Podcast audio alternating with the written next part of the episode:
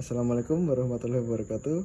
Halo kawan-kawan pendengar setia Ngabers FM Bergabung lagi bersama saya Muhammad Azza Dalam acara Bincang-Bincang bersama para sahabat Ngabers. Di Ngabers FM 108,8 FM Jika kalian ingin request lagu Atau kirim-kirim salam kepada teman dekat Atau gebetan kalian Bisa langsung hubungi nomor berikut 0857 01197442. Oke, yang pertama kita akan berbincang podcast dengan sahabat kita Arafi yang akan berbincang tentang horor atau cerita mistis. Hmm, di sini kita sudah kedatangan narasumber. Kita Arafi, gimana kabarnya Fi? Alhamdulillah sehat. Dengar-dengar kamu ada cerita horor. Ada sih banyak. Mau yang mana dulu nih? Ya terserah sih mau, mau mulai ceritanya dari mana. Hmm, yang mana ya? Oh, ada. Waktu itu pas mau nyiapin bakti sosial. Itu di rumah temanku. Nah, itu kejadiannya jam 12 malam, sekitar jam 12 malam lewat lah. Nah, itu kan kita lagi anak-anak lagi pada kumpulkan malam itu nyiapin uh, kayak sembako sembako gitu di belakang bagian rumah belakang. Nah waktu itu kebetulan ada berenam orang yang di belakang untuk bungkus bungkusin uh, making makingin yang udah dikumpulin gitu. Jadi barang-barangnya jadi satu. Terus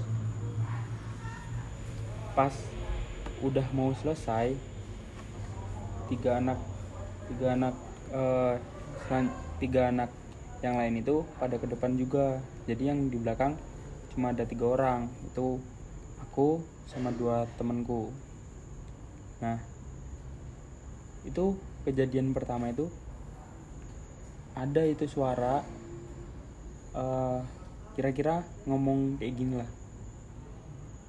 Udah ngantuk belum? Tapi pakai bahasa Jawa. Nah itu pertama aku ngiranya itu cuma sendiri halusinasi cuma, gitu. ya cuma halusinasi. Nah tapi terus aku penasaran kan terus aku tanyain sama teman-temanku eh kalian juga denger gak sih barusan? Itu kan. Terus katanya juga pada kedengeran gitu. Terus tak tanya emang ngomong apa? Udah ngantuk udah ngantuk belum? Gitu toh. Nah terus anak-anak pada kaget juga. Terus pada takut. Nah terus langsung ke depan. Yang dengar cuma kamu gitu?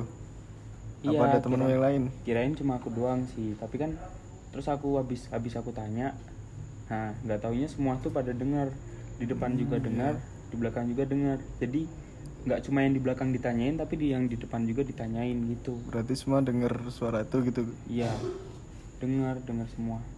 Nah terus habis itu kan udah udah relax lah semuanya udah nggak apa-apa kan udah tenang suasananya. Terus akhirnya ke belakang lagi kan mau mindah-mindahin yang barang-barang di belakang itu dipindahin ke ke depan. Nah, pas mindahin ke depan pas mindahin ke depan tuh temenku ada yang satu kebelet kencing ada yang satu kebelet kencing dia nggak berani. Dia minta anterin sama temenku satunya. Kamar mandi. Kamar mandi yang di depan itu itu kan posisinya di dekat kamar orang tuanya. Nah jadi takutnya ganggu gitu kan. Nah ya udah ngambil uh, kamar mandi yang belakang aja sih. Biar nggak berisik juga kan. Nah terus temanku kencing lah yang satu itu yang kebelet kencing nah kan ada tuh temanku yang satunya nunggu di luar kan. Kan nggak mungkin kan uh, ikut masuk ke dalam. Nah yang satu nunggu di luar. Nah yang di luar itu kebetulan dia juga takut sebenarnya tapi dia juga mau kencing jadi gantian. Dia melihat di bagian kaca dapur belakang itu kayak ada yang lewat. Nah dia kan takut tuh. Terus dia langsung gedor-gedor temen yang satunya kan. Gedor-gedor. Eh cepet cepet cepet itu kata temanku. Terus akhirnya udah selesai. Nah temanku satunya itu juga nggak berani kan uh, nunggu di depan. Nah akhirnya itu pintunya dibuka. Nah tapi temanku uh, nungguin di depannya gitu. Jadi oh berarti tetap dibuka terus temanmu di depan Nah, liatin iya, itu itu nungguin gara-gara nggak berani tapi bukan bukan berarti dia ngelihat temen aku kencing ya. Iya. karena takut kan? Iya.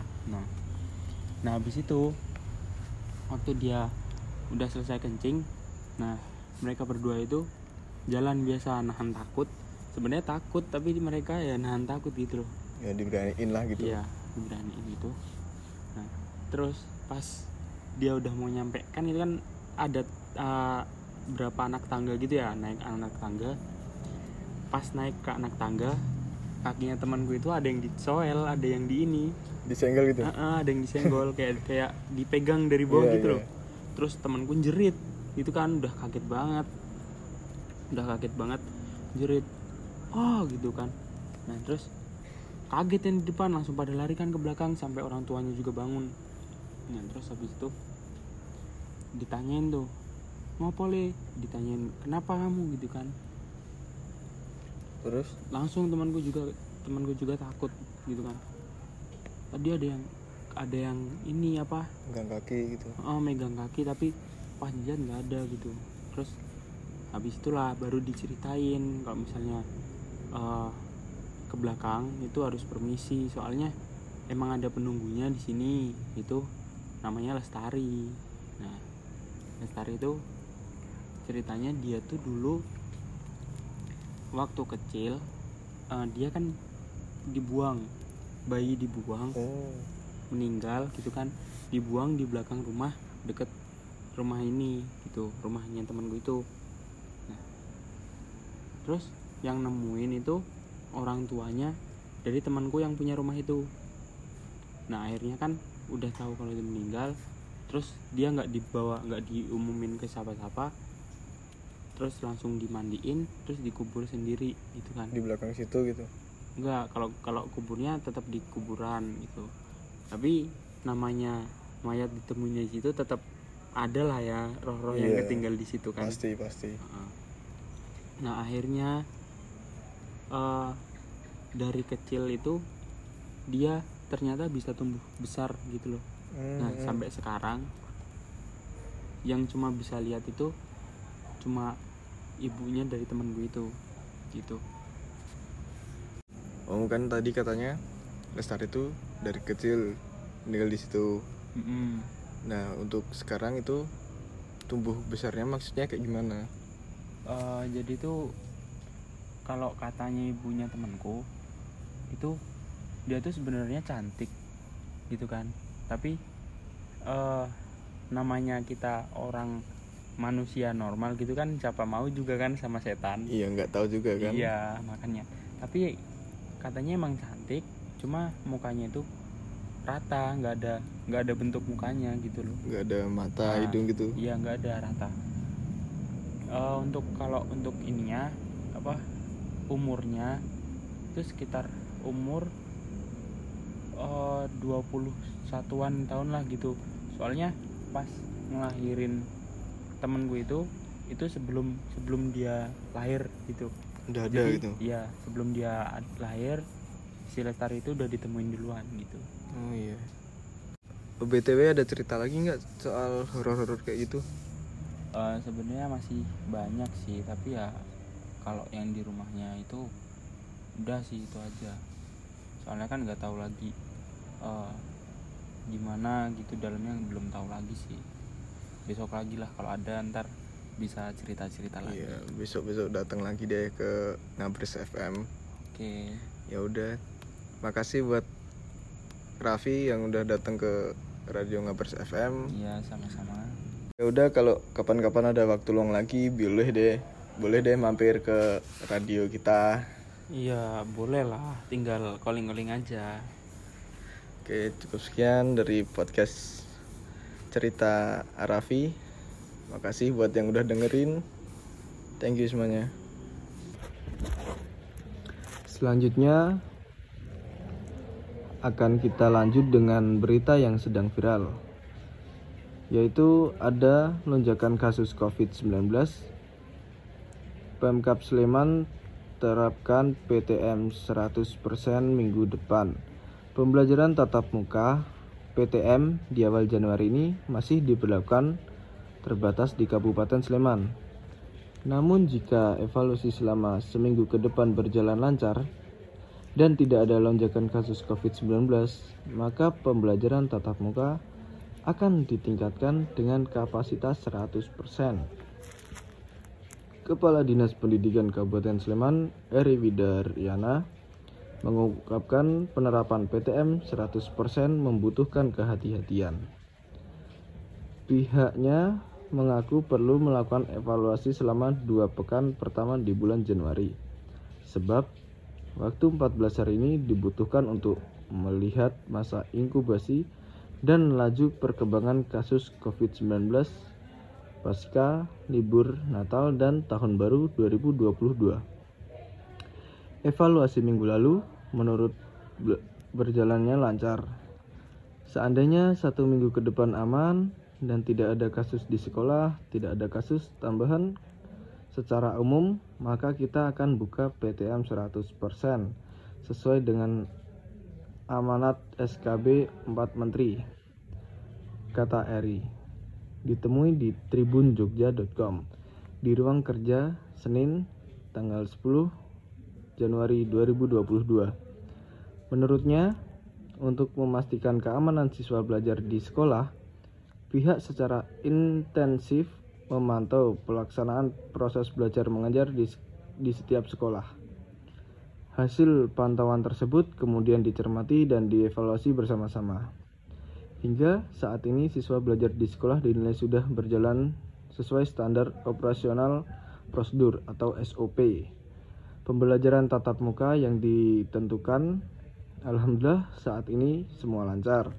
Tidak ada kasus di sekolah paparnya Sepekan ini, Eri mengaku akan kembali menggelar swab swab di berbagai sekolah-sekolah. Hal ini diguna memastikan bahwa pembelajaran tatap muka di Sleman berjalan aman. Di samping itu, Dinas Pendidikan bersama Dinas Kesehatan juga membuat pelaksanaan vaksinasi anak usia 6 sampai 11 tahun sehingga dapat menguatkan untuk mulai menggelar PTM 100%. Ia meminta dukungan dari tim gugus tugas COVID-19 mampu organisasi perangkat daerah OPD terkait apabila pembelajaran tatap muka 100% sudah diberlakukan nantinya tim gugus tugas COVID bisa bersama-sama saling mengawasi dan mengingatkan apabila terjadi kerumunan di luar sekolah. Eri mengungkapkan jika PTM 100% diterapkan, siswa bisa belajar di sekolah selama 6 jam per hari, hampir mirip seperti pembelajaran normal sebelum masa pandemi. Namun masih ada pengadilan-pengadilan. Antara lain ketika jam istirahat siswa tidak boleh berkerumun. Kantin juga belum dibuka. Anak diminta membawa bekal sendiri, lalu pembelajaran olahraga praktek sudah diizinkan tapi sebatas di lingkungan sekolah saja. Sebelum diperbolehkan luar sekolah, jelasnya Kepala SMP Negeri 2 Depok, Supriyatna, mengatakan minggu pertama awal Januari ini pihaknya masih menerapkan pembelajaran tetap tatap muka terbatas dengan kapasitas 50%. Kendati demikian, pihaknya mengaku siap jika minggu depan sudah ada surat Kepala Dinas Pendidikan yang mengharuskan menggelar pembelajaran tatap muka 100%. Ya itu berita yang sedang tren saat ini. Selanjutnya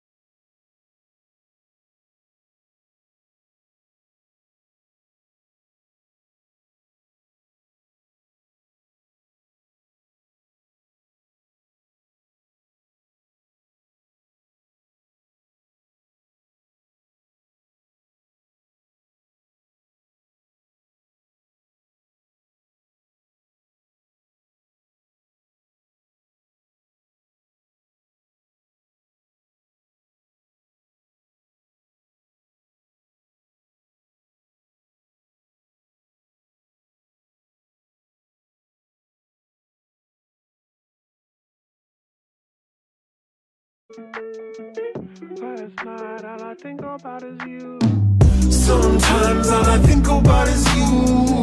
Late nights in the middle of June. He waves been.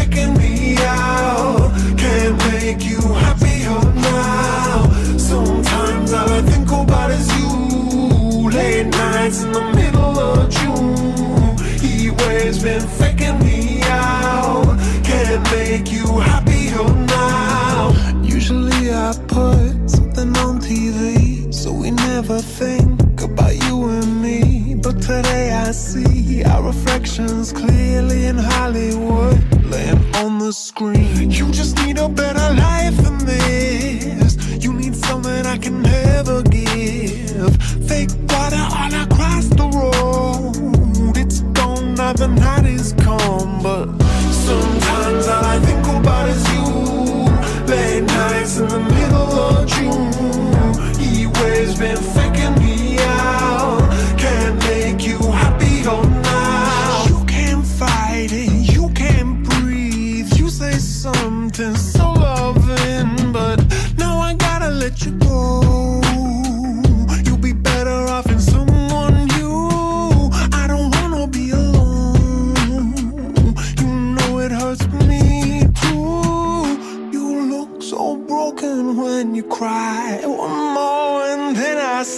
goodbye. Sometimes all I think about is you. Late nights in the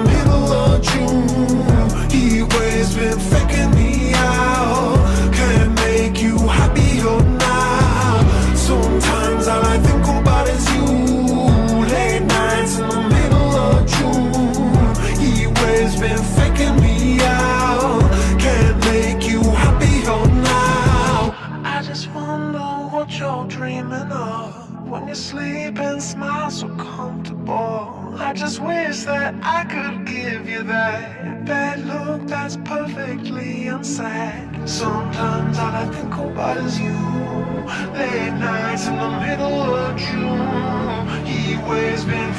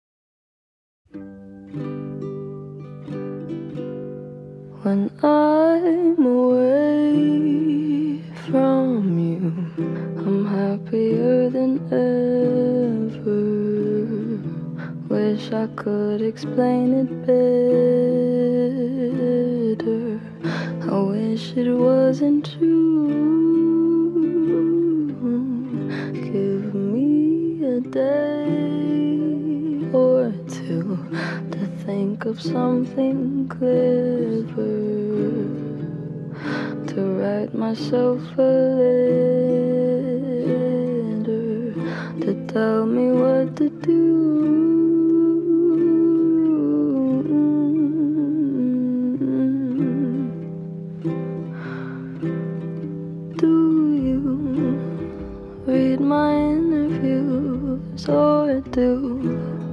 You skipped my avenue when you said you were passing through. Was I even on your way? I knew when I asked you to be cool about what I was telling you. you would do the opposite of what you said you'd do, and I'd end up it isn't fair. You clearly weren't aware that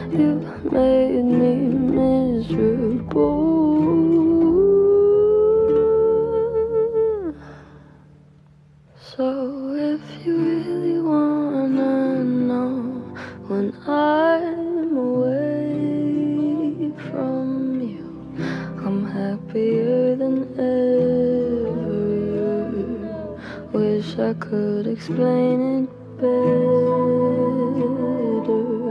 I wish it wasn't true.